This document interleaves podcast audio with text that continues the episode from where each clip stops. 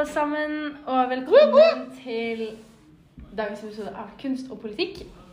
I dag får vi besøk av de første, en av de første internasjonale forfatterne fra Norge. Hun har skrevet 'En lykkelig alder', 'De kloke jomfruer' og mange mange flere historier. Men hun slo gjennom med historien om Kristin Lavransdatter, som ble fortalt gjennom 'Kransen', 'Husfru' og 'Korset'.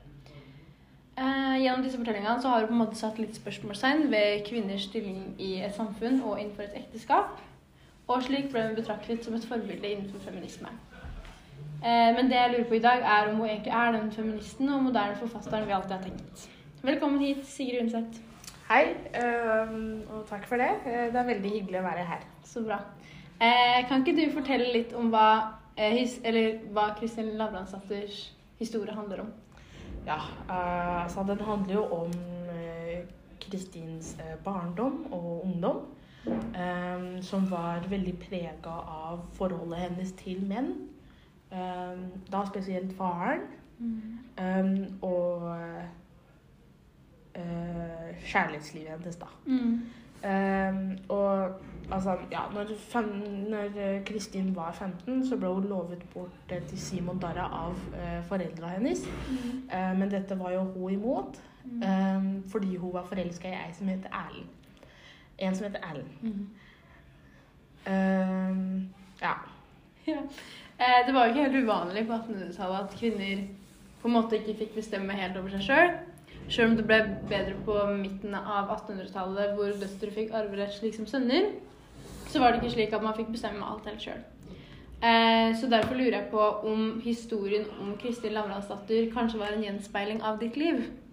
Ja, altså jeg, ble jo inspirert eh, til å skrive om Kristin Lavransdatter pga. på grunn av det jeg har gått gjennom, da, Mm. altså mitt liv. Um, og ja, det er jo fordi altså, jeg valgte en mann som ikke var normene i samfunnet da. Mm. Eh, Jeg valgte jo å gifte meg med som het- en som het Anders, em, som hadde tre barn fra før av. Ja. Um, ja, så det er en gjenspeiling av mitt liv, ja. ja. For det forholdet mellom dere to funka jo ikke. Nei. Det endte jo skilsmisse og eh, Så kanskje det kanskje var litt gjenspeiling, da. Mm, mm, ja. Um, du blir jo betrakta som en moderne dame eh, i og med at du skriver om kvinners problemer i samfunnet. Og industrialisering og den, det litt mer moderne samfunnet eh, førte jo til befolkningsvekst, mindre spedbarnsdødelighet, bedre kosthold, eller pga. grunn av bedre kosthold, hvor alle hadde med på en måte korn, mjølk og kjøtt i kostholdet. Eh, poteter selvfølgelig var en viktig del for, eller spesielt her i Norden. Mm. Eh, og industrial industrialiseringen førte også til mer økonomisk vekst. Um, så derfor lurer jeg på om du mener at moderniseringen gjorde noe godt med samfunnet for kvinner? Ehm,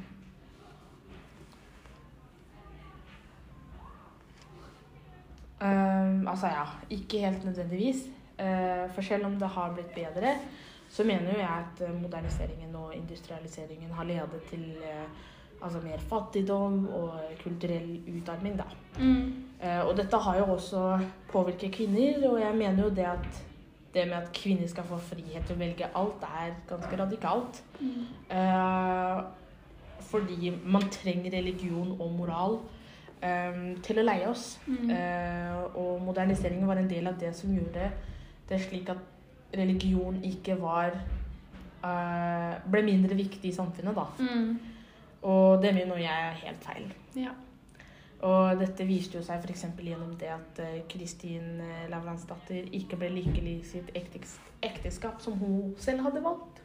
ja. Ja, litt sånn som mitt liv, da. Men syns ikke du det egentlig er ganske bra at kvinner får mer frihet?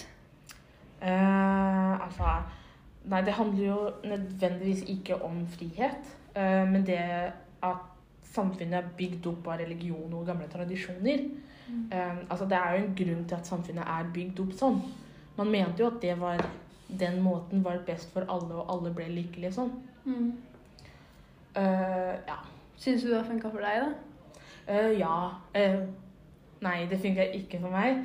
Fordi når jeg valgte å gå ut av, utenfor uh, moralnormene i samfunnet, så så jo du at eh, Eller ekteskapet mitt gikk jo eh, dårlig, da. Eh, det Ja. førte til et ulykkelig ekteskap. Men det på en måte er jo ikke pga. samfunnet, og at samfunnet var bygd eh, sånn og sånn. Det kan jo på en måte ha noe med deg og Anders å gjøre.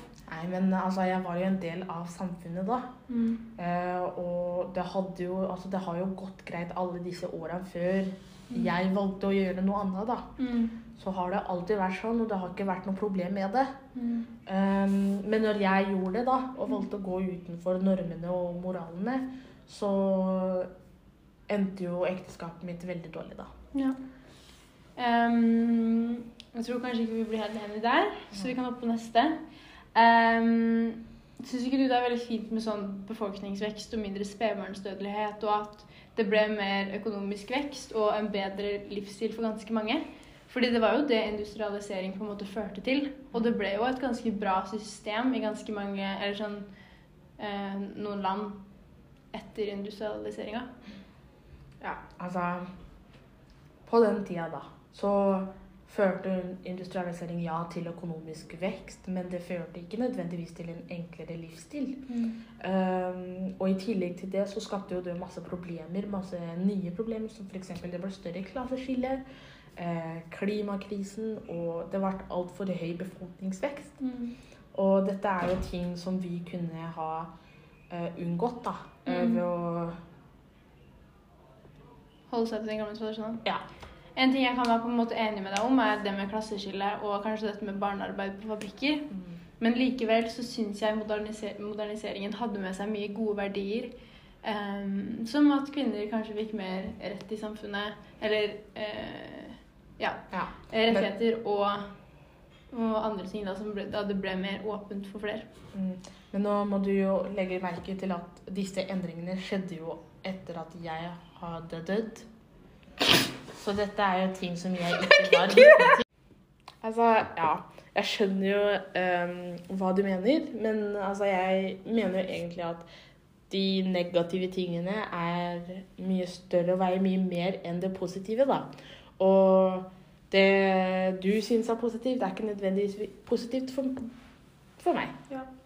Sånn som det med at kvinner kan gifte seg med hvem Mm. hvem de vil. Du mener at samfunnet skal på en måte holde mer At systemet er bygd opp sånn fordi det er bra for enhver kvinne. Ja. Det har funka så langt, og derfor burde det fortsette sånn.